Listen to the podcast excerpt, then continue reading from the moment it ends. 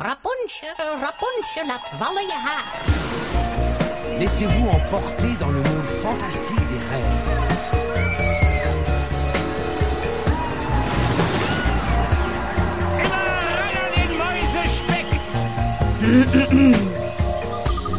Het is weer ochtend in Pretparkland.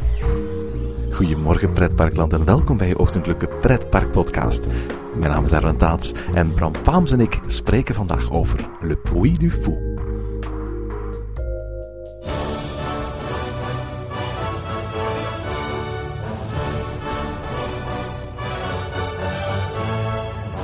Dit jaar is het derde jaar dat op zijn minst fel bediscussieerde paardenshow Ravelijn in de Efteling draait.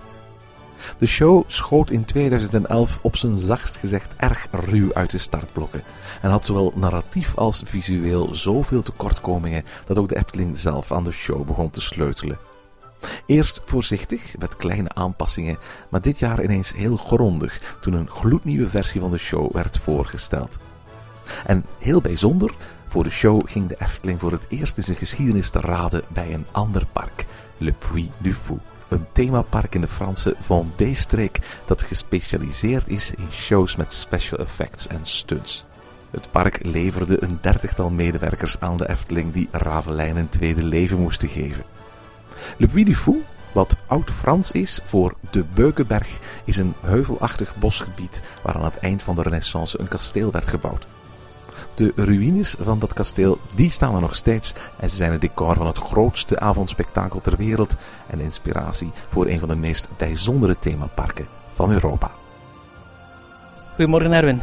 Goedemorgen Bram. En een zonnige ochtend is het vandaag. Hè? Wat een zonnige ochtend hè? Ja, en, en als ik het uh, goed voor heb en ik heb er de fotogalerij op nageslagen, heb jij een zonnige trip gehad vorige week? Ja, absoluut. We zijn in Frankrijk geweest. We hebben meer gedaan dan parkjes alleen, maar we zijn inderdaad ook een aantal uh, parken gaan bezoeken. En, en, eentje daarvan was, uh, was Puy du Fou. Puy du Fou, eigenlijk, het, het zegt me niks. Ik, uh, ik heb toch een beetje pretparkkennis, maar Puy du Fou? Je bent niet de enige. Ik geef eerlijk toe dat tot de aankondiging kwam dat de Efteling dit jaar Ravelijn een update ging geven. En daarvoor een samenwerking ging aangaan met, uh, met het Franse park Puy du Fou had ik eigenlijk ook nog nooit van Puy du Fou gehoord. Toen op een bepaald moment zo de top 20 lijsten van bezoekcijfers binnenkwamen stromen van dit jaar en bleek dat Puy du Fou in 2012 1,6 miljoen bezoekers uh, binnengekregen had, had ik echt zoiets van, oké, okay, blijkbaar is dit een gat in mijn pretparklandcultuur. Het voordeel is dat de Efteling uiteraard dat park hier in, in onze streek wat op de kaart heeft gezet en tegelijkertijd het voor Efteling abonnementhouders mogelijk heeft gemaakt om er gratis naartoe te gaan. En toen we toch in die streek waren, dachten we van, weet je wat, uh, laten we eens naar Puy du Fou gaan. Hè? In die streek, uh, hoe, hoe ver is Puy du Fou van ons? Ja, hangt natuurlijk een beetje af van, van, waar wij zijn natuurlijk. Het makkelijkste misschien, misschien zeggen dat je het ongeveer drie uurtjes rijden vanaf Parijs. Dus als je uh, vanuit België naar, naar, naar Parijs rijdt, afhankelijk van hoe lang je daarover doet, dan moet je nog eens drie uurtjes verder rijden. Uh, dan kom je in de Franse Vendée-streek uit. En als je aan de Vendée denkt, dan ga je waarschijnlijk wel terugdenken aan de geschiedenisles uit de middelbare school over de Franse revolutie. De, de Vendée is tot op de dag van vandaag een, een plattelandstreek met, met uh, heel veel mooie valleitjes en riviertjes en akkers en dat soort toestanden meer. En um, in die plattelandstreek we hebben enkele van de meest bloedige conflicten tijdens de Franse revolutie zich, zich uh, afgespeeld. Hè. De boeren die kwamen in opstand, eerst tegen een landeigenaren en daarna tegen een bestuur.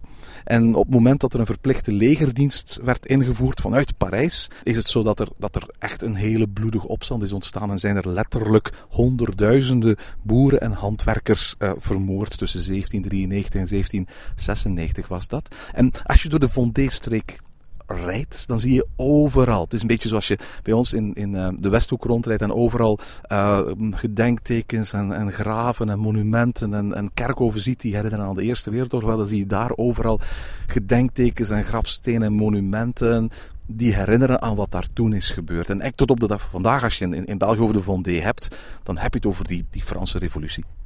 Het is dan geen echt pretpark? Uh, is het dan een soort museum dat over die geschiedenis gaat? Of? Nee, nee, nee, nee. Het is absoluut. Het is, het, is, het, is, geen pretpark in de zin van dat er achtbanen zijn of dat er wildwaterbanen zijn. Maar het is, het is, het is echt wel een, een, een themapark. Hè.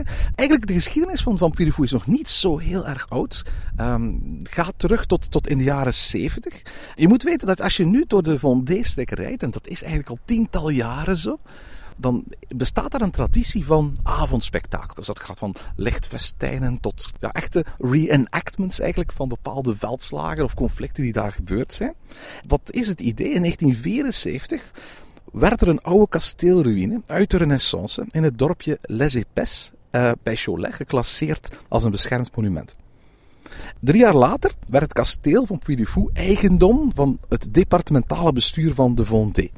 En men ging op zoek naar op welke manier zouden we dat kasteel, die kasteelruïne, toeristisch kunnen gaan uitbaten. En er kwamen een aantal ideeën, maar één idee kwam van twee studenten, Philippe de Villiers en Jean Saint-Brice. En die vonden dat die ruïnes het ideale decor zouden kunnen zijn voor een avondspektakel met acteurs, met paarden en muziek. En ze kregen de toestemming om een zomer lang, tijdens de weekends, een massaspektakel te maken. Um, ze schreven een verhaal over een familie uit de Vendée, de Mobiliers, en um, hoe dat leven van generatie van generatie getekend werd door oorlog en conflict tegen de achtergrond van dat verhaal uh, ontvouwt zich de Franse geschiedenis, pakweg van de 14e eeuw tot aan de Tweede Wereldoorlog, maar uiteraard met als grote conflict die Vendée-opstand na de Franse Revolutie. Zij zijn eigenlijk begonnen met een avondspektakel eh, waar de Efteling geëindigd is met een avondspektakel voor zijn 60ste eh, verjaardag. Ja, absoluut, inderdaad. Dus dat is heel, heel mooi, gezegd. Er was eerst een avondspektakel. In 1978 is dat, dat voor de eerste keer opgevoerd. En dat eigenlijke park, de Puy du Fou, dat is er pas tien jaar later, in 1988, aan, aan toegevoegd. Eigenlijk om ervoor te zorgen dat die, die, die bezoekers, en dat zijn er ondertussen zo'n 400.000 per jaar, die naar de avondspektakel gaan kijken, uh, dat die ook overdag iets, iets te doen hebben. Het is eigenlijk ongelooflijk. Uh, de eerste voorstelling vond plaats op 16 juni 1978. Als verlichting gebruikten ze tractoren. Er was een waterspektakel. Dat werd gewoon uh, uh, ja, gedaan met, met tuinslangen die water sproeiden in allerlei rare combinaties. En iedereen in de buurt werd ingeschakeld om ja, kostuums te ontwikkelen, om decors te timmeren en te schilderen, om mee te doen aan de voorstelling. En dat allemaal op vrijwillige basis. Niemand werd betaald. Die twee studenten kregen zelfs een aantal belangrijke Franse acteurs, zover dat ze hun stem gratis leenden aan de geluidsband die hoorde bij dat spektakel. Die vrijwilligers die gingen zichzelf een naam geven. De Puy-Foules noemden die zich. En eigenlijk is het ongelooflijk om te weten dat 35 jaar later Cinecinie nog altijd zo plaatsvindt. Cinecinie uh, is eigenlijk de naam van de avondspektakel. Vandaag is het grootste spektakel ter wereld. Elke dag dat dat avondspektakel georganiseerd wordt, werken er 3200 mensen aan mee, waarvan 1400 acteurs. Er komen 14.000 toeschouwers en de volledige oppervlakte van de scène, van de bühne, is 23 hectare. Het is het allergrootste spektakel dat op, op, op regelmatige basis in de wereld wordt opgevoerd. En dat, is, dat kunnen ze toch niet elke avond opvoeren, veronderstel ik? In de zomer wordt het elke week op vrijdagavond en op zaterdagavond opgevoerd. En, en hoe maken ze dat een beetje interessant? Want het is daar toch geen uh, geschiedkundige voorlichtingsavond, veronderstel ik. Nee, ik heb, ik heb wel de achtergrond een beetje vertaald, maar laten we heel eerlijk zijn. Het is in de allereerste plaats entertainment natuurlijk. Hè. Uh, gebouwen komen uit de grond en zakken weer terug weg. Uh, duizenden acteurs dansen, vechten, lopen tegelijkertijd. Er zijn paarden en ganzen en schapen en bizons en varkens die op de bühne komen. Uh, in totaal zijn er 25 scènes, begeleid met lichteffecten en videomapping op de ruïnes. met 130 gekleurde en bewegende fonteinen, met vuur en vuurwerk. Het duurt een uur en 40 minuten. Oorspronkelijk was de muziek gecomponeerd door Georges Delerue, een, een Franse filmmuziekcomponist. En eh, tien jaar geleden hebben ze de show wat aangepast en hebben ze Nick Glennie Smith, eh, de dirigent van onder andere Pirates of the Caribbean en Man of Steel, gevraagd om een nieuwe score te, te maken. En ondertussen hebben ze ook grote acteurs als, als Gérard Depardieu en Philippe Noiret zover kunnen krijgen om hun stem te lenen aan het spektakel. Het is het is bijzonder indrukwekkend. Je weet niet waar je naar moet kijken en de tijd vliegt voorbij. Het, het, is twintig keer zo groot als, als Ravelijn. Er doen duizend acteurs aan mee. En dankzij het feit dat het donker is, zijn er grote volgspots die je helpen te kijken naar, naar waar op dat moment de actie plaatsvindt. Het is het grootste massaspectakel ter wereld en dat willen ze laten zien. Op het einde komen alle acteurs tegelijkertijd op um, en dan wordt alles uit de kast gehaald. Fonteinen, vuurwerk, honderden paarden en zo. En Eh, Je zit ernaar te kijken en zegt van, oh, wauw, dit heb ik nog nooit gezien. Maar ik wed dat ze geen draak met vijf koppen hebben. Ze hebben geen draak met vijf, vijf koppen, inderdaad. Als je daar op een vrijdagavond komt, dan word je om weggeblazen door dat eh, avondspektakel. Maar wat doe je dan overdag? Eh, ik zei het al, in 1988 ontstond er naast de plaats waar, waar, waar Cinecinie plaatsvindt, een, ehm, een, een park. eh Puy du Fou. Voor alle duidelijkheid, het, het, het avondspektakel Cinecinie en dat park, dat, die staan los van elkaar. Als je auto parkeert bij Le Puy du Fou, dan kom je op een groot centraal plein. Recht voor je ligt dan de ingang van het park. Aan de linkerkant ligt de ingang van Cinecinie. In de kasteelruïne van Puy du Fou, daar kun je zelf niet komen. Die wordt alleen maar gebruikt als, als decor voor, voor de show. En als je naar het avondspektakel wil, dan, dan is het ook de bedoeling dat je het park weer uit moet. Om, om via die aparte ingang naar La Cinecinie te, te gaan. Ehm, er is ook een aparte ticketcontrole. En je, je kunt er dus voor kiezen om ofwel naar Cinecinie te gaan alleen, alleen naar het avondspektakel. Ofwel alleen naar het park te gaan, ofwel naar alle twee. Maar je hebt dus in dat geval twee kaartjes nodig. En inhoudelijk staan eh, de dingen dan inhoudelijk op elkaar afgestemd? Ja, absoluut. Ik, ik had echt het gevoel dat het, het, het, het park een, een prelude was op wat we s'avonds hebben meegemaakt. Eh, het is absoluut een dagvullend park. Eh, voor een park waar geen achtbanen en wildwaterbanen staan, lijkt dat vreemd. Maar we zijn er rond 9.30 uur gearriveerd. Het was ongeveer half één s'nachts toen we weer weg zijn gegaan. En we hebben ons echt geen moment verveeld dat we niks een tweede keer moeten doen. En, eh, en wat doe je dan gedurende de dag? Blijft het shows of zijn er doe-attracties of hoe gaat het? Puy Fou is een themapark. Er zijn een aantal attracties, zoals er is een treintje, er is een paardenmolen, er is een labyrint, er zijn diverse speeltuinen. Maar alles draait eigenlijk om vijf periodes uit de Franse geschiedenis die tot in de kleinste details werden nagebouwd. En voor alle duidelijkheid, dit zijn eh, geen themagebieden met gebouwtjes die gesculpteerd en beschilderd werden uit beton, zoals in de Plopsa-parken. Of vol met nagebootste materialen van kunststof, zoals de laatste jaren in de Efteling steeds meer gebeurt. Nee, nee. Er, wordt op zoek gegaan naar de juiste, authentieke materialen. En de vijf themagebieden zijn met historische precisie nagebouwd. Ik, was, ik, zat echt vaak te tasten aan hout en aan stenen van muren om, te- om te kijken, is dit echt? En geen enkel gebouw in dat park stond er 25 jaar geleden al, terwijl je eigenlijk zou denken dat er al eeuwenlang staat. Ehm heeft natuurlijk te maken met het feit dat Puy du Fou voor authenticiteit gaat. Hè. Dus nergens heb je iets van Piceriaans romanticisme of van, van Disney-eske flamboyantie. Maar ze gaan voor historische accuratesse en geloofwaardige oorspronkelijkheid en dan merk je. En het hart van de Puy du Fou-ervaring, dat zijn shows. Nu, als ik, het, als, ik het, eh, zo, als ik je zo hoor vertellen, ehm, dan zie ik het ergens tussen het eh, betreurde land van ooit en Bokrijk in ergens zitten.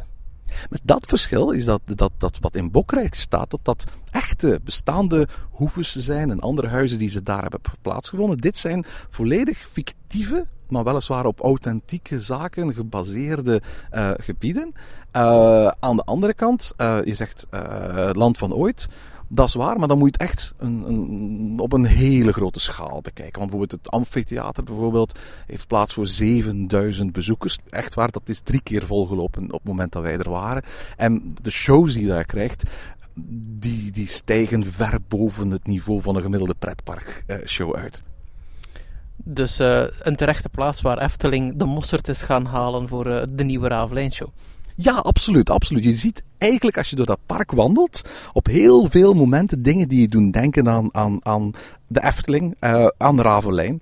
Wie een bezoek aan, aan Puy du Fou eh, brengt met Ravelijn in, in, in eh, gedachten, voor hem, is dat een, of voor hem of haar is dat een, een, een feest van herkenning. Hè, van de abzeilende soldaten die uit de, de lucht naar beneden komen in de musketiershow, tot de paardenshuns en, en het vuur dat uit de muren van de stad komt bij de, de, de ruitershow.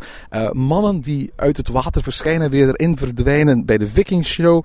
Je, je ontsnapt niet aan het idee dat de Efteling hier gewoon heel veel know-how heeft aangekocht. En, en het gevoel was zelfs sterker. Ik kon me niet ontdoen van de gedachte dat Bart de Boer hier ergens in 2008 of in 2009 is geweest. En, en eh, gedacht heeft van, oké, dit park is iets waar we als als Efteling op kunnen gaan baseren. En eh, als je weet dat dit park bijvoorbeeld al een eigen Aquanura heeft sinds 2009, dat er zelfs een, een eigen variant van een sprookjesboom staat, dat de vormgeving van de nieuwe kleren van de keizer eh, in de Efteling meer dan één detail gemeen hebben met de manier waarop de sprookjes van de La Fontaine daar zijn uitgebeeld, dan heb je het gevoel van, die ontwerpers van de Efteling, die hebben de afgelopen jaren heel goed bij Fou gaan kijken. Die zijn daar eigenlijk een beetje gaan kijken naar de authenticiteit om dan een, een goedkopere versie in de Efteling eh, te gaan plaatsen of Eh, ik vrees het een beetje. Ik vrees het een beetje. Je zegt goedkoop. Het is, het is, het is eigenlijk raar, hè? Ehm, La Cinecinie, dus die, dat avondspektakel, wordt na eh 35 jaar nog altijd volledig opgevoerd door vrijwilligers. Alle mensen die s'avonds aan het werk zijn, van alle acteurs tot de technici, tot de mensen die eh, de ticketcontrole doen of de programma's verkopen, die doen dat gratis. Niemand wordt daarvoor betaald.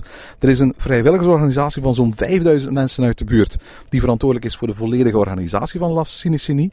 En het geld dat met Cinecinie verdiend wordt, wordt gebruikt voor drie doeleinden. Ten eerste de show zelf, hè, decors, kostuums, requisites.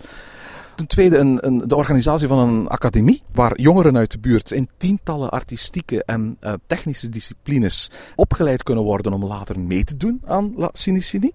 En dat is wel belangrijk, want een derde van alle acteurs die je ziet tijdens de show, die zijn, zijn jonger dan 20 jaar oud. En met het geld wordt ook het park gerund. Dus de acteurs en de medewerkers die je in het park ziet, eh, de kelners, de obers, eh, eh, mensen die er gewoon werken, die worden natuurlijk wel- betaald. Dat is voor hen een dagtaak. Maar die worden betaald vanuit het geld dat met La Cinecinie wordt verdiend. Voor de rest is het zo dat dit geen bedrijf is, maar dat het een vereniging zonder winstoogmerk is dat de boel runt. Is het dat ook niet een beetje dat dat, dat gevoel bepaalt, Erwin? Is zoiets niet enkel mogelijk bij dat soort projecten? Eh, denk aan, aan onze pretparken, die sinds ze geen familieparken meer zijn, hun ziel lijken verloren te zijn. Die sinds ze behoren tot grote groepen plotseling een soort melkkoe maken van elke bezoeker. Is het niet eh, die authenticiteit die je daar voelt, die jouw visie op dat park ook een beetje verandert? Dat is best wel mogelijk hoor. Want het is ook zo dat ze ehm, heel veel doen om het verhaal dat ik nu verteld heb aan die bezoeker duidelijk te maken. Het wordt, er is zelfs een, een, een attractie waar, waar als het ware het ontstaan van, van Fou en de manier waarop eh, die vrijwilligers samen vormgeven aan Fou, waarop, waarop die uitgelegd wordt. Waarop dat, dat, en je hebt echt dat, dat, dat gevoel dat je niet in een park bent, maar in een, in een dorpje, of eigenlijk moet ik zeggen vijf dorpjes, want er zijn vijf themadelen, we gaan het er straks nog wel eens over hebben, waar je eigenlijk niet zozeer bij, bij medewerkers eh, terechtkomt, maar bij mensen die er wonen. Ze wonen natuurlijk niet. Het is echt een, een park met een omheining en die mensen gaan s'avonds naar, naar huis. Maar dat is echt het gevoel dat je daar krijgt. Je, je, je komt, die, die Puy Fou-les, zoals ze zich noemen, dat is een hele hechte familie die opkomen voor een park, die, die dat, dat gevoel uitstralen. En ik heb dat nog maar zelden gehad in een park. Hmm. Maar eh, je was iets aan het zeggen over vijf parkdelen? Ja, er zijn vijf grote momenten, periodes uit de Franse geschiedenis die eh, weergegeven zijn in het park. Het ingangsgebied is weergegeven als een, als een Frans dorpje uit de 19e eeuw. Met ja, een vormgeving zoals je die perfect daarbij kunt voorstellen. Met eh, een paardencarousel, met volksspelen. Eh, er is een, een, een, een sprookjesbos, eigenlijk moet ik zeggen een soort van fabeltuin, waar de sprookjes van eh, Jean de La Fontaine, denk maar aan de, de, de krekel en de mier en de vos en de raaf en de, de kikker en de os worden uitgebeeld. Op een hele mooie manier trouwens. Dat is het inkomstgebied. Daar zijn ook een heleboel souvenirwinkeltjes en, en restaurantjes. En er is ook een, een, een, een overdekt theater waar een musketiershow plaatsvindt. Er is een dorpje uit het, uit het jaar 1000, waar als het ware gerecreëerd werd hoe in die streek van de Vendée een dorpje van pakweg duizend jaar geleden er, eruit gezien zou hebben, hoe het leven daaruit zag. En ook daar zijn weer een aantal shows en ervaringen aan vastgemaakt. Er zijn een aantal walkthroughs bijvoorbeeld, een, een, hele spectaculaire walkthrough met onder andere een stretchroom en een andere walkthrough die dan het verhaal van de Vendée vertelt in een aantal scènes met, met animatronics. En, en, en als ik zeg walkthrough, dan mag je geen diorama-scènes voorstellen, maar bijvoorbeeld op een bepaald moment wandel je een kapel in. En dan, dan, dan ben je echt in een, in een kapel ter grootte van een echte kapel. Maar dan met muren die in brand staan. De grasramen die aan diggelen zijn geslagen. Met de priester die vermoord op het altaar ligt en zo. Dus dat is, dat is een ander gebied. Nog een ander gebied is een middeleeuws dorpje. Een middeleeuws dorpje waar ook weer een aantal theaters zijn. Waar heel veel ambachtslui aan het werken zijn. Waar er ook een, een, een fonteinenspektakel eh, te zien is. En het laatste is een, een dorpje uit de, de 18e eeuw. Opnieuw waar een aantal kleinere attracties, een aantal walkthroughs zijn. En ik weet dat ze plannen hebben voor een, voor een dark ride, maar die is er voorlopig niet. Voorlopig draait alles rond shows. Oké, en, en dan grote shows waar je moet plannen van er op tijd te zijn en plaatsje nemen op de tribune? Of is het meer een soort eh, kleinschalige, kleinschalige dingen waar je even rond moet gaan staan? Nee, nee, absoluut niet. Het zijn eh, eh, hele grote shows. Als je het, park binnenkomt, dan krijg je een, een, een showrooster. En in totaal is het zo dat ze tien verschillende shows hebben. Eh, elke show heeft een, een, een lengte van tussen de pakweg 25 minuten en de 45 minuten. In totaal zeggen ze dat ze uh, zes uur aan shows tegelijkertijd hebben. Alle shows vinden plaats in theaters waar 2000, 3000 tot 7000 mensen tegelijkertijd in plaatsnemen. Uh, het gaat dus om grote massaspectakels die uh, op een of andere manier telkens toch wel een eigen invalshoek hebben. Um, er is bijvoorbeeld een musketiershow, volledig indoor. Het is een theater waar 2.000, 3.000 mensen in kunnen plaatsvinden, waarbij tijdens de show het volledige podium uh, volledig onder water komt te staan. En alle acteurs die erop meedoen ook volledig onder water uh, komen te staan. Zeer spectaculair om te zien.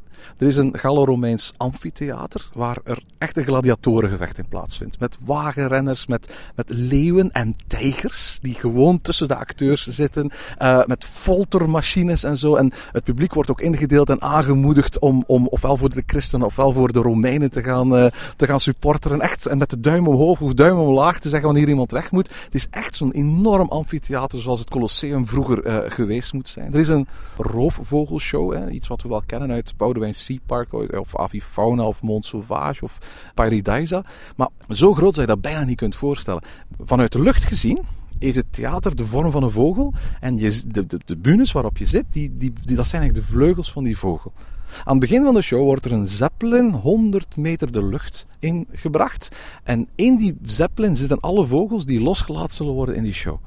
Helemaal aan het einde laten ze meer dan 100 gieren, adelaars, arenden, buizerds tegelijkertijd los, die dan over het publiek gaan vliegen. Dit heb je nog nooit eerder meegemaakt. Er is ook een vikingshow en een ridderspektakel, een paardenspektakel. Die twee shows zijn vooral interessant voor de mensen die Ravelijn een beetje kennen, omdat dat de twee shows zijn waar de Efteling het meest aan geleend heeft wat de Ravelijn betreft.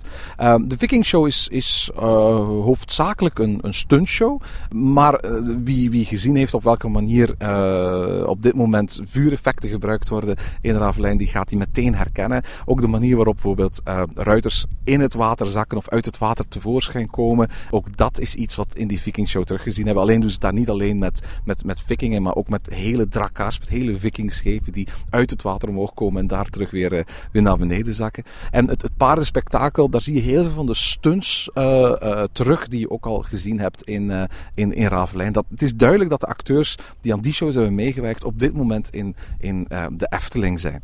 De laatste grootste, grote show, en dat is de, de meest recente toevoeging, die is nieuw van dit jaar, is de Ridders van de Ronde Tafel. En dat is een show die het verhaal vertelt van, van koning Arthur en um, Excalibur. Uh, het is een illusieshow, een special effects show, uh, waarbij je naar het podium zit te kijken, wat in eerste instantie een grote vijver is met een burg erachter.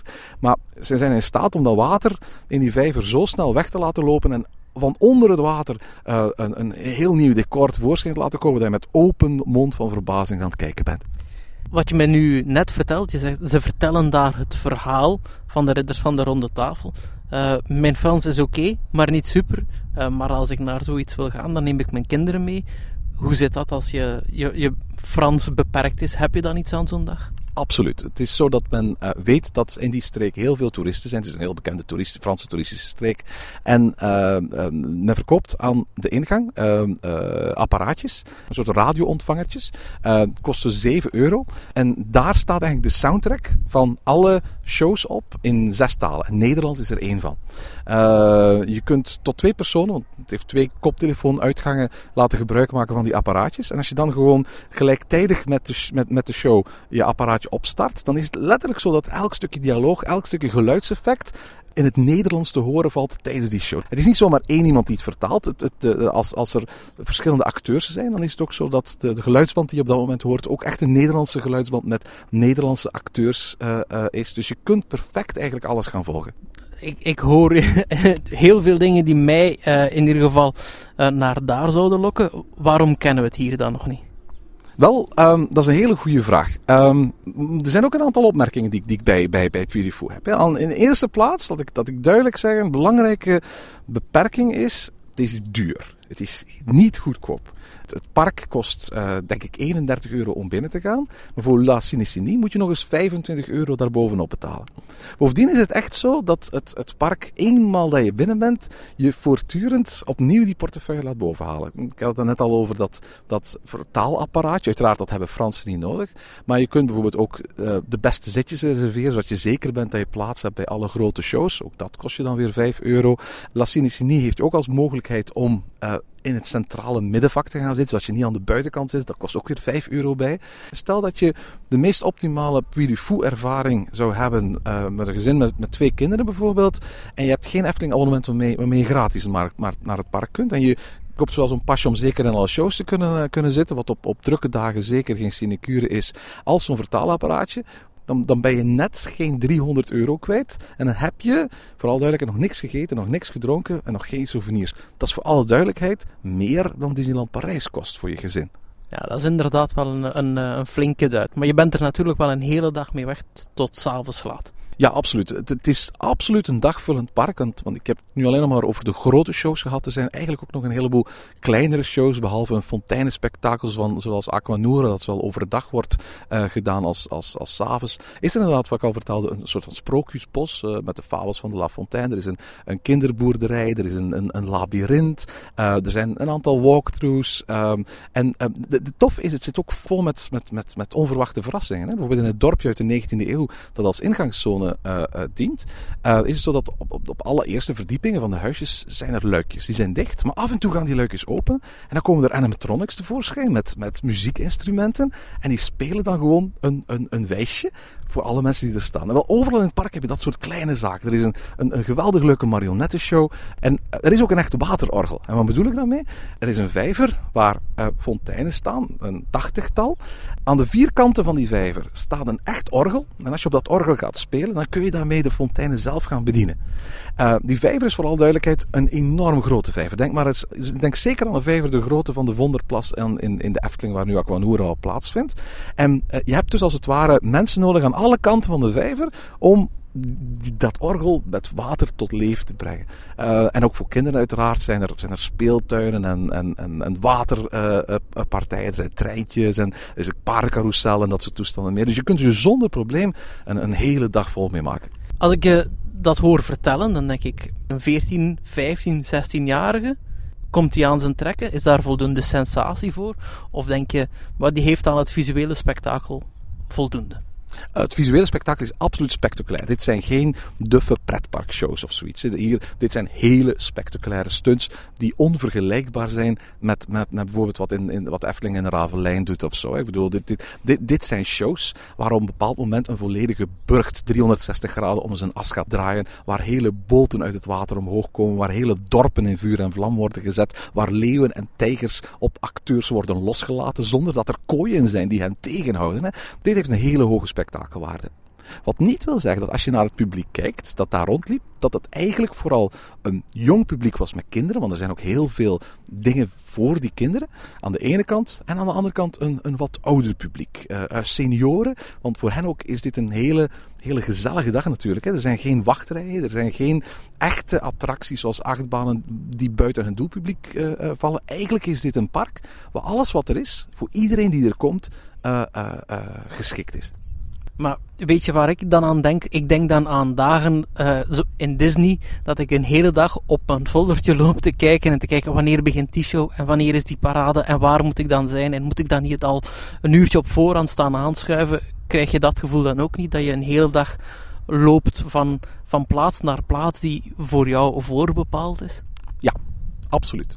Dit is geen park waar je hoe komt het uit wat in gaat wandelen en af en toe eens iets doet. Het is inderdaad een park waar je eigenlijk als je binnenkomt het programma van die dag wil gaan bekijken en dan wil gaan neerzetten en gaat plannen van hoe gaat mijn dag eruit zien.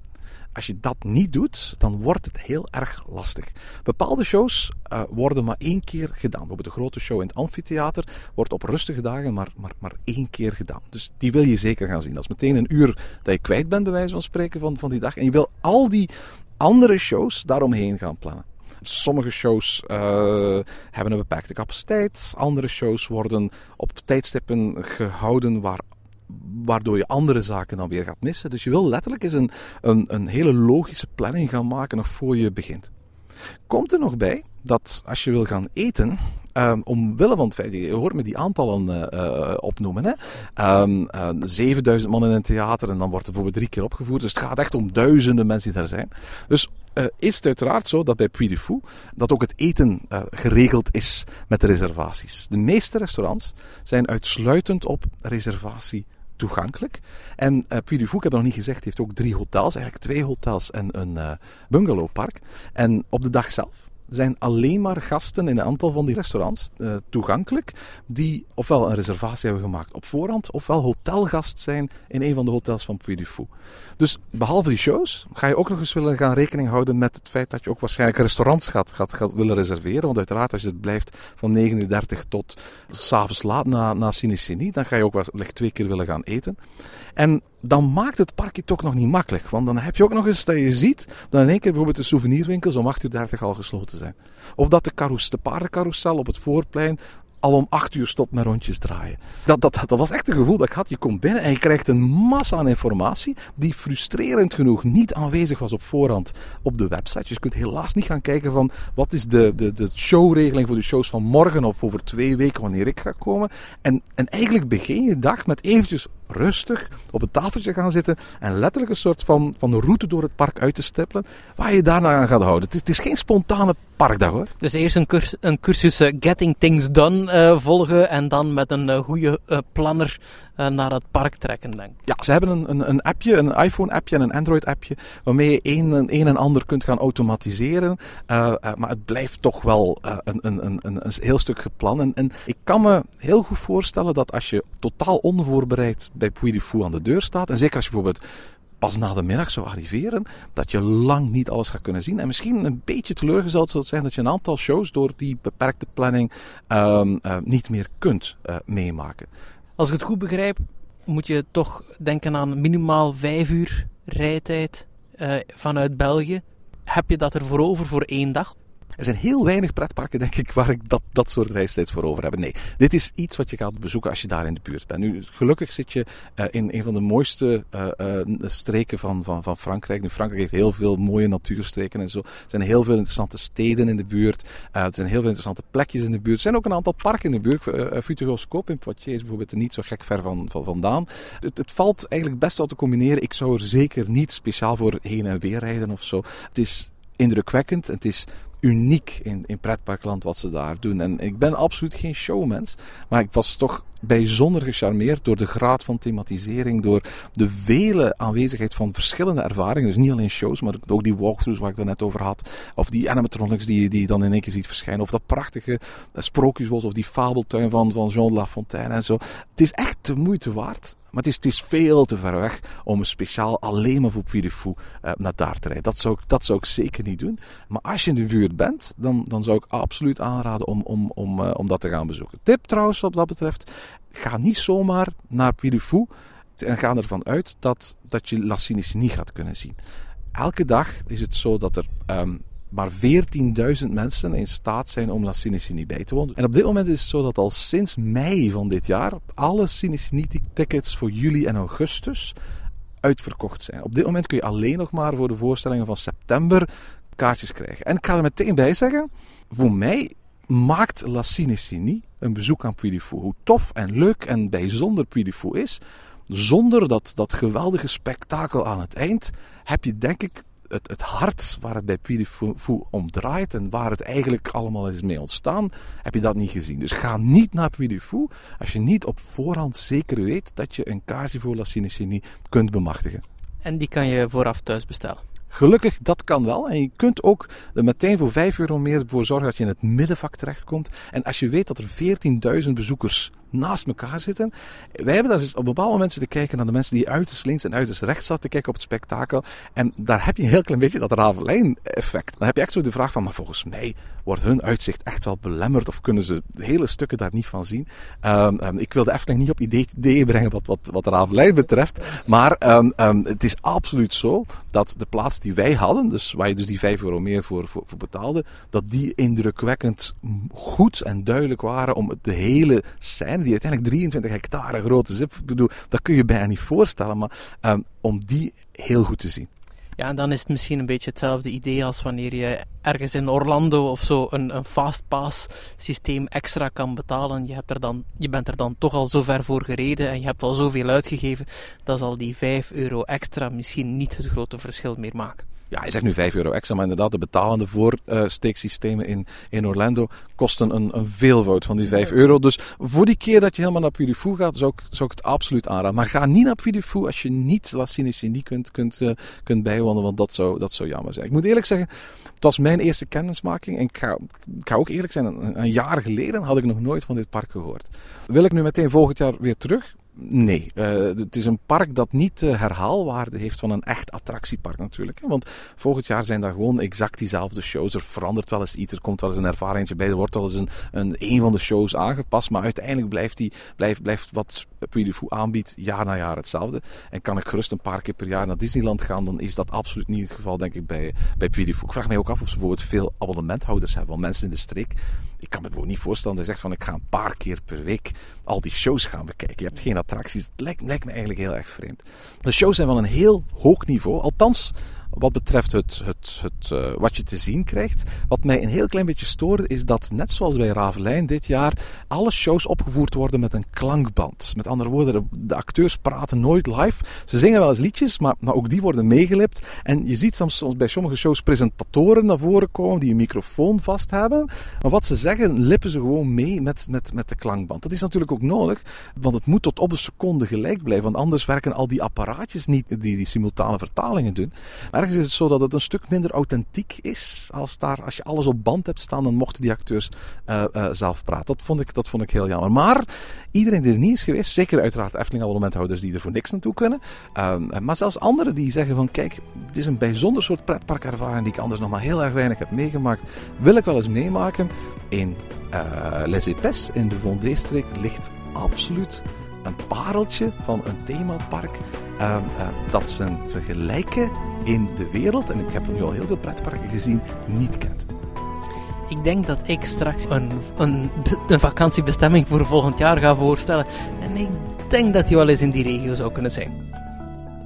En tot zover deze aflevering van Ochtend in Pretparkland. Heb je vragen of opmerkingen? Mail ons dan via ochtend.pretparkland.be.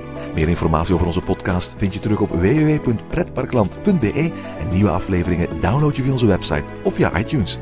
Ochtend in Pretparkland is de pretparkpodcast voor vroege vogels. Bedankt voor het luisteren en maak er een fijne dag van.